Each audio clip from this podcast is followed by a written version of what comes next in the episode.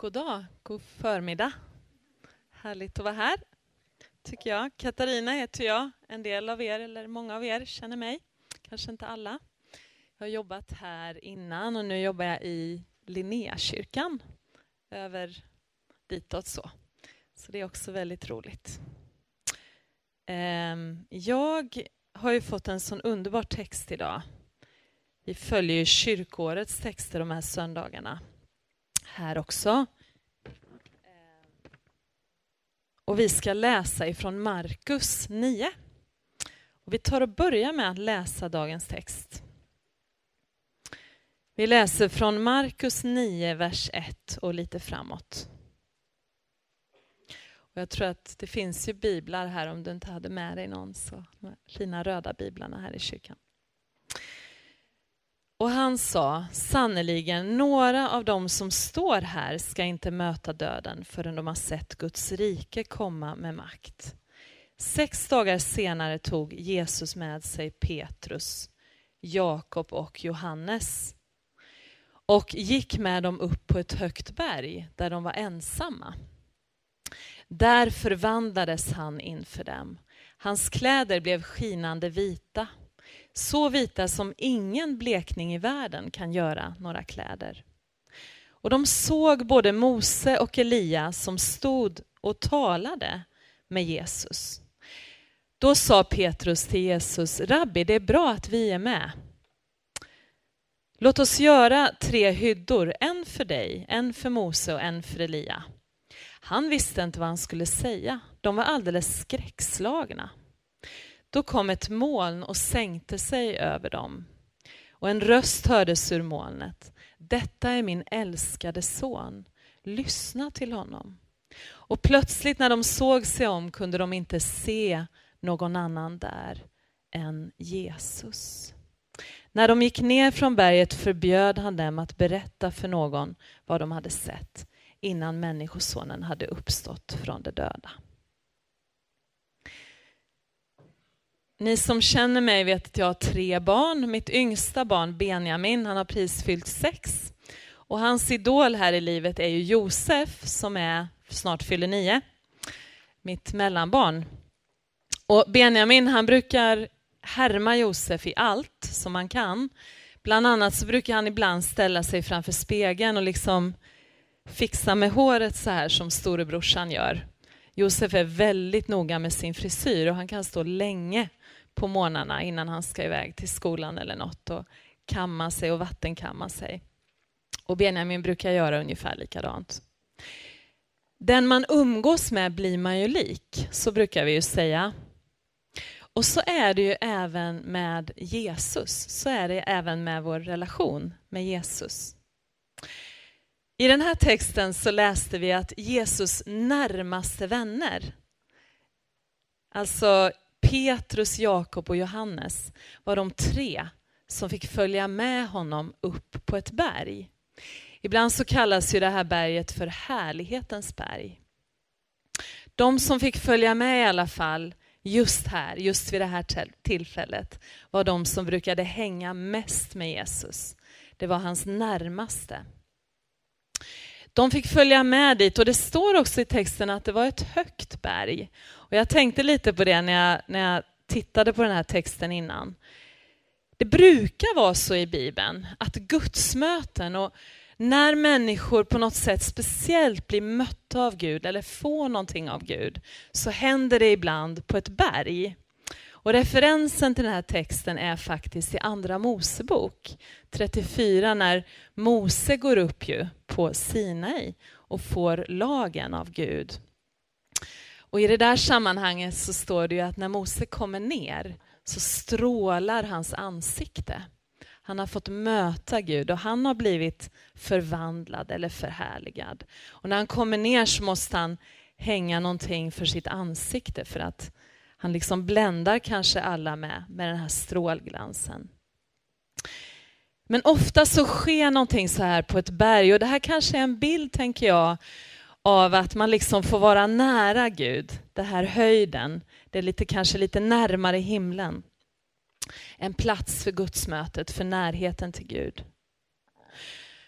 Och det som händer den här gången, som vi har läst om nu, det är ju också väldigt märkligt. Det som händer där på det här berget, när de här vännerna har fått gå upp dit med Jesus, är väldigt märkligt. Först så ser lärjungarna ju hur Jesus blir förvandlad, han blir förändrad mitt framför deras ögon. Jag tycker det står så bra i orden här att det står att inget blekmedel i världen kunde göra kläder så vita som Jesu kläder blev. Som småbarnsmamma eller mamma så kan man ju relatera till det där. Det där blekmedlet hade man ju velat köpa. Så Jesu kläder blir väldigt vita, han blir förvandlad. Och sen helt plötsligt så ser lärjungarna att Jesus faktiskt står och pratar med Mose och Elia. Och Mose och Elia de är ju ikoner för, för judarna, för det judiska folket och på den här tiden. Det var ju stora, stora gudsmän från det, från det gamla testamentet, från deras bibel. Män som hade fått leda Guds folk in i det förlovade landet. Män som hade fått gå med Gud på ett speciellt sätt. Personer som hade fått vara språkrör för Gud. Plötsligt ser lärjungarna de står och pratar med Jesus. De är ju döda sedan länge. Vad är det som händer? Vad är det egentligen som händer i den här texten? Det är väldigt kul att studera tycker jag. Det har varit väldigt spännande att läsa inför idag. Lärjungarna tror jag, jag tror att de liksom för den här stunden när de är på det här berget blir ju också förvandlade. Det är inte bara Jesus som förändras. Utan jag tror att de får för en stund en annan syn, en större syn. Gud ger dem för en stund en förhärligad syn. Så att det blir liksom som om ett förhänge dras undan. Som att de plötsligt ser det osynliga. Som att de plötsligt kan se in i det som ska komma. Som att de plötsligt ser det himmelska. Och jag tänker, det står ju i Nya Testamentet också om att när vi dör, säger Paulus, så kommer vi att förvandlas, pratar han om. Bli förhärligade, få nya kroppar. Och jag tänker att då kommer nog allas våra ögon att vara sådär. Att vi ska kunna se det himmelska. Jag tror att lärjungarna här för en kort stund fick sån här förhärligad syn. Tror i alla fall jag. Och Det som sker och det vi brukar prata om, det, det den här texten liksom säger som händer, är ju att Kristus blir förhärligad. Det är någonting med härlighet det handlar om här. Guds härlighet. Och Guds härlighet talas det ju mycket om i Bibeln. Och på hebreiska så heter det kabod. I Gamla testamentet används det här ordet kabod för Guds härlighet. Och Det ordet betyder faktiskt tyngd. Guds härlighet på hebreiska betyder tyngd. Alltså att Guds härlighet är någonting kanske större och liksom tyngre än det naturliga. Gud är ju liksom större, han är större än oss. Han har inte våra mänskliga begränsningar. Så att hans härlighet tror jag handlar om någonting som går bortom, som är som vi ibland kallar det för det övernaturliga. Jag tror att de alltså får se in i den tillvaron. Och jag tror att det är samma för oss, att när vi möter Gud, när vi blir berörda av honom på ett mäktigt sätt, ett starkt sätt, så är det också som att vi förvandlas och att vi också kan faktiskt gå bortom våra naturliga begränsningar. Petrus och lärjungarna här, de blir ju helt skräckslagna och helt plötsligt så börjar Petrus att liksom tala i nattmössan. Han börjar säga saker och säga, ja men Jesus vi kan ta och bygga tre hyddor här och så kan ni ju bo här, du och Elia och Moses, kan ni ha det bra här liksom. Och det står att han vet inte vad han säger för han är så rädd. Och det kan man ju tycka är lite konstigt, varför blir han så rädd? För det här är ju någonting gott ändå det som händer. Det är ju någonting vackert, någonting skönt. Jag tror, återigen säger jag så, för jag tänker att man kanske kan tolka det här lite olika och det är inte så jättelätt att förstå det här fullt ut. Men jag tror igen då, jag tror att det som Petrus har fått, de där nya ögonen, den här andliga synen, det kanske inte riktigt matchar hans andliga mognad. Petrus är ju fortfarande en människa och han är ju fortfarande en svag människa, en bristfull människa. Och kanske en människa som inte än har blivit så mogen i sin vandring med, med Jesus, så andligt mogen. Så jag tänker att hans, han liksom inte matchar riktigt det han får se med det han vet eller det han, han tror. Och så blir han rädd för han förstår inte vad som händer. Och jag tror att om du och jag, jag vet inte, du kanske har gjort det. Jag har inte gjort det vad jag vet, vad jag kommer ihåg. Men du kanske har mött en ängel någon gång, jag vet inte. Om man ser i Bibeln igen så finns det ju ganska många berättelser om människor som faktiskt möter änglar. Och när de gör det så väldigt ofta får man läsa att de blir rädda. De blir kanske skräckslagna. De kanske ramlar omkull eller så. Av rädsla. Och Jag tänker att de här erfarenheterna av att möta det gudomliga, det övernaturliga, kan vara skrämmande. Återigen för att det är så stort, det är överväldigande. Därför att det är större än oss. Det går bortom våra begränsningar, det är övernaturligt. Så det är inte farligt, men ändå överväldigande. Det är inte farligt, men det är fyllt av Guds härlighet, Guds tyngd. Det här hyddbyggandet då, då, det kan ju också vara en bild, tänker en del som tolkar den här texten, på att man inte vill därifrån. Petrus och hans vänner där, de får ju vara med om någonting, återigen någonting underbart, något fantastiskt. Och när man får uppleva det, du har säkert upplevt Gud någon gång, mött Gud någon gång. Jag vet att jag har gjort det och jag vet att det är någonting Gud vill. Han vill möta med oss, han vill röra vid oss. Och om man har fått uppleva honom så där härligt starkt, då, då vill man ju gärna hålla kvar det. Man vill inte så gärna lämna det, för det känns så gott. Det känns så härligt. Och man kanske är lite rädd, man kanske tvekar att lämna det. Tvekar att komma tillbaka till det vardagliga, det ordinära. Liksom. Och då kanske vi ofta vill göra sådär som Petrus, att bygga en hydda i den där upplevelsen och stanna kvar där.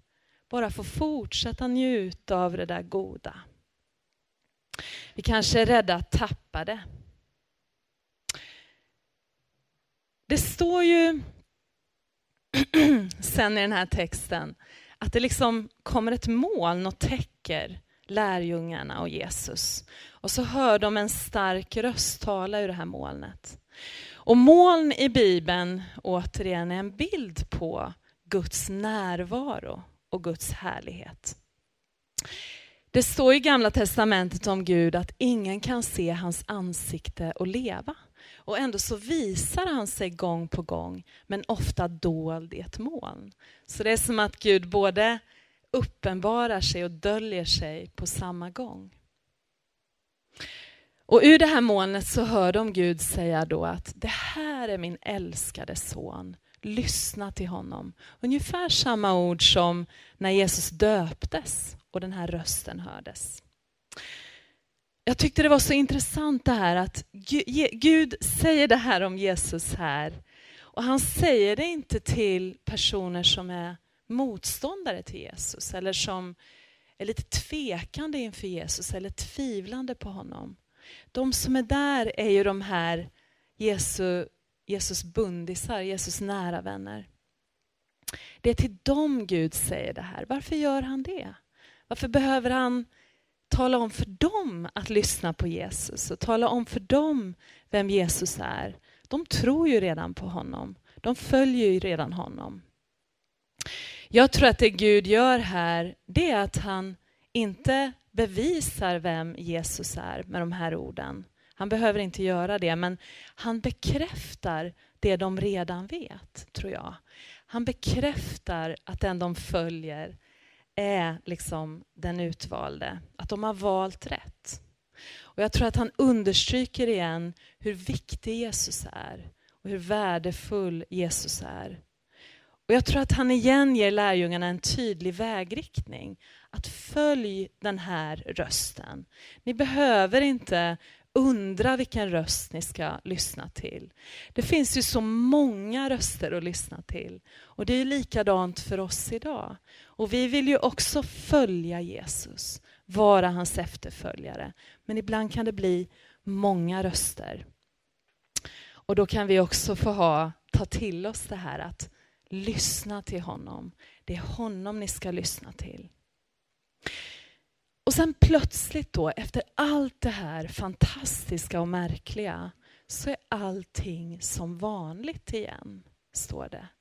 Berget är som vanligt. Jesus är som vanligt. Det är liksom, ja, så här. Ljuset är borta, Mose och Elia är inte längre där.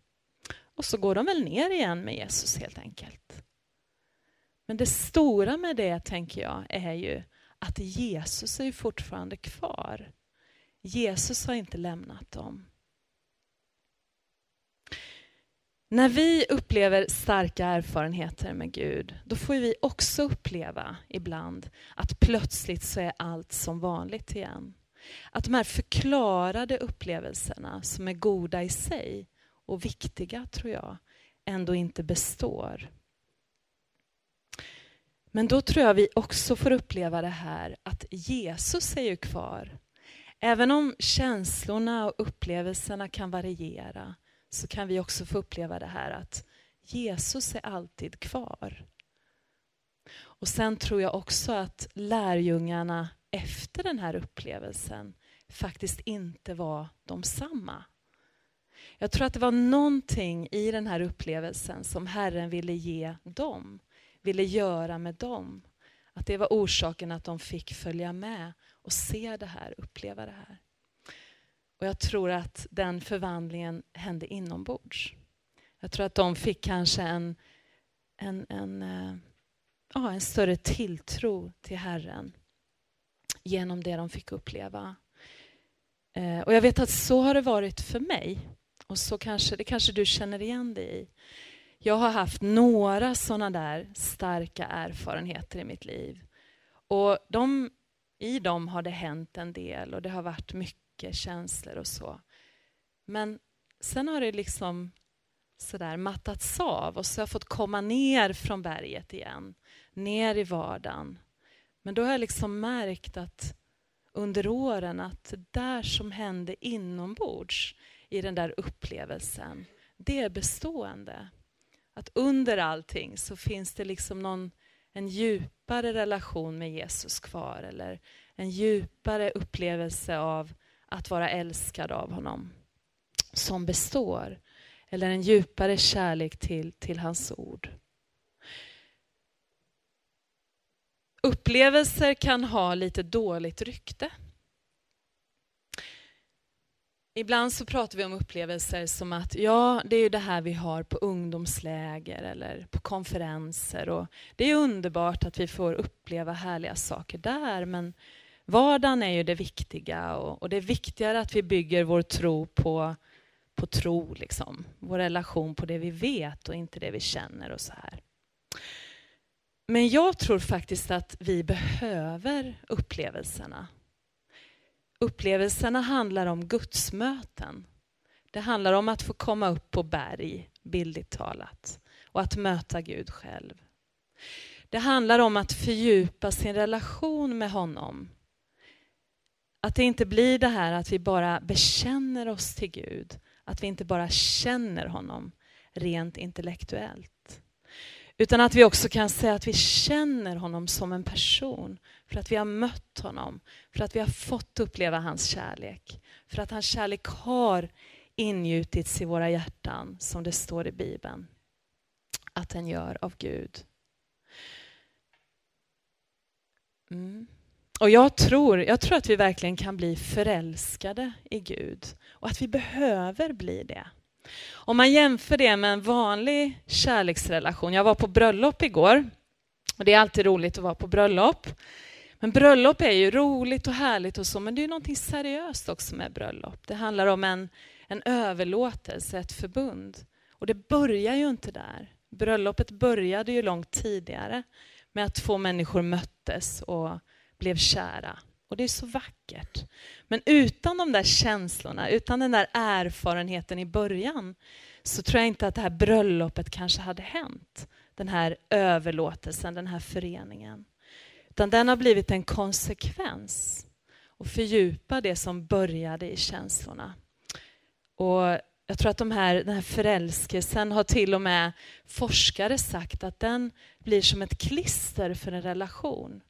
Sen under relationen är det inte alltid så där härligt och det kan gå upp och ner. Och där behövs ju förbundet, att man bestämmer sig för varann och överlåter sig till varann. Och så är det ju med vår gudsrelation också. Att där ingår vi ett förbund med Herren. Vi överlåter oss åt honom och han överlåter sig åt oss. Men vi behöver de här upplevelserna med honom för att det liksom ska, ska börja egentligen och hålla, tror jag. Och Jag tror att man kan få uppleva Gud många gånger i sitt liv man kan behöva bli kontinuerligt fylld av Gud. Och ibland pratar vi om det som att bli fylld av anden. Att dricka djupt av anden. Och det kan vi få göra gång på gång. Det kan vi få göra på nytt här idag. Och det enda vi behöver göra är att liksom öppna oss för det och vända oss till Gud och ta emot av hans ande. Jesus han vid ett senare tillfälle så blåser han ju på lärjungarna och säger ta emot heligande. Och jag tror att han är här idag och gör det med oss när vi vänder oss till honom. Att han blåser på oss och säger ta emot heligande. Och det kan vi göra här idag på nytt. Och när vi lever så, då sker ju den här förvandlingen med oss. Då blir vi förhärligade. Och då kan vi få leva förhärligade liv. Vi kan få leva ut Guds härlighet trots vår svaghet, trots vår mänsklighet, vår brustenhet. Faktum är att genom oss vill Gud förhärligas, vill Gud bli synliggjord. Och då kan faktiskt människor se honom genom dig och mig. Och det tror jag är precis Guds tanke, vad han vill göra. Jag tror att vi ska sluta där. Ehm, jag vill bara uppmuntra dig att eh, i slutet av vår gudstjänst får du väldigt gärna komma för förbön. Och om du känner att det här har talat speciellt till dig, du känner den här längtan efter att få möta Gud igen eller fördjupas i din gudsrelation Få uppleva på nytt hur mycket han älskar just dig. Få uppleva på nytt att han vill fylla dig och använda dig. Förhärliga dig för att bli förhärligad genom dig. Så är du jättevälkommen och ta emot förbön. Amen.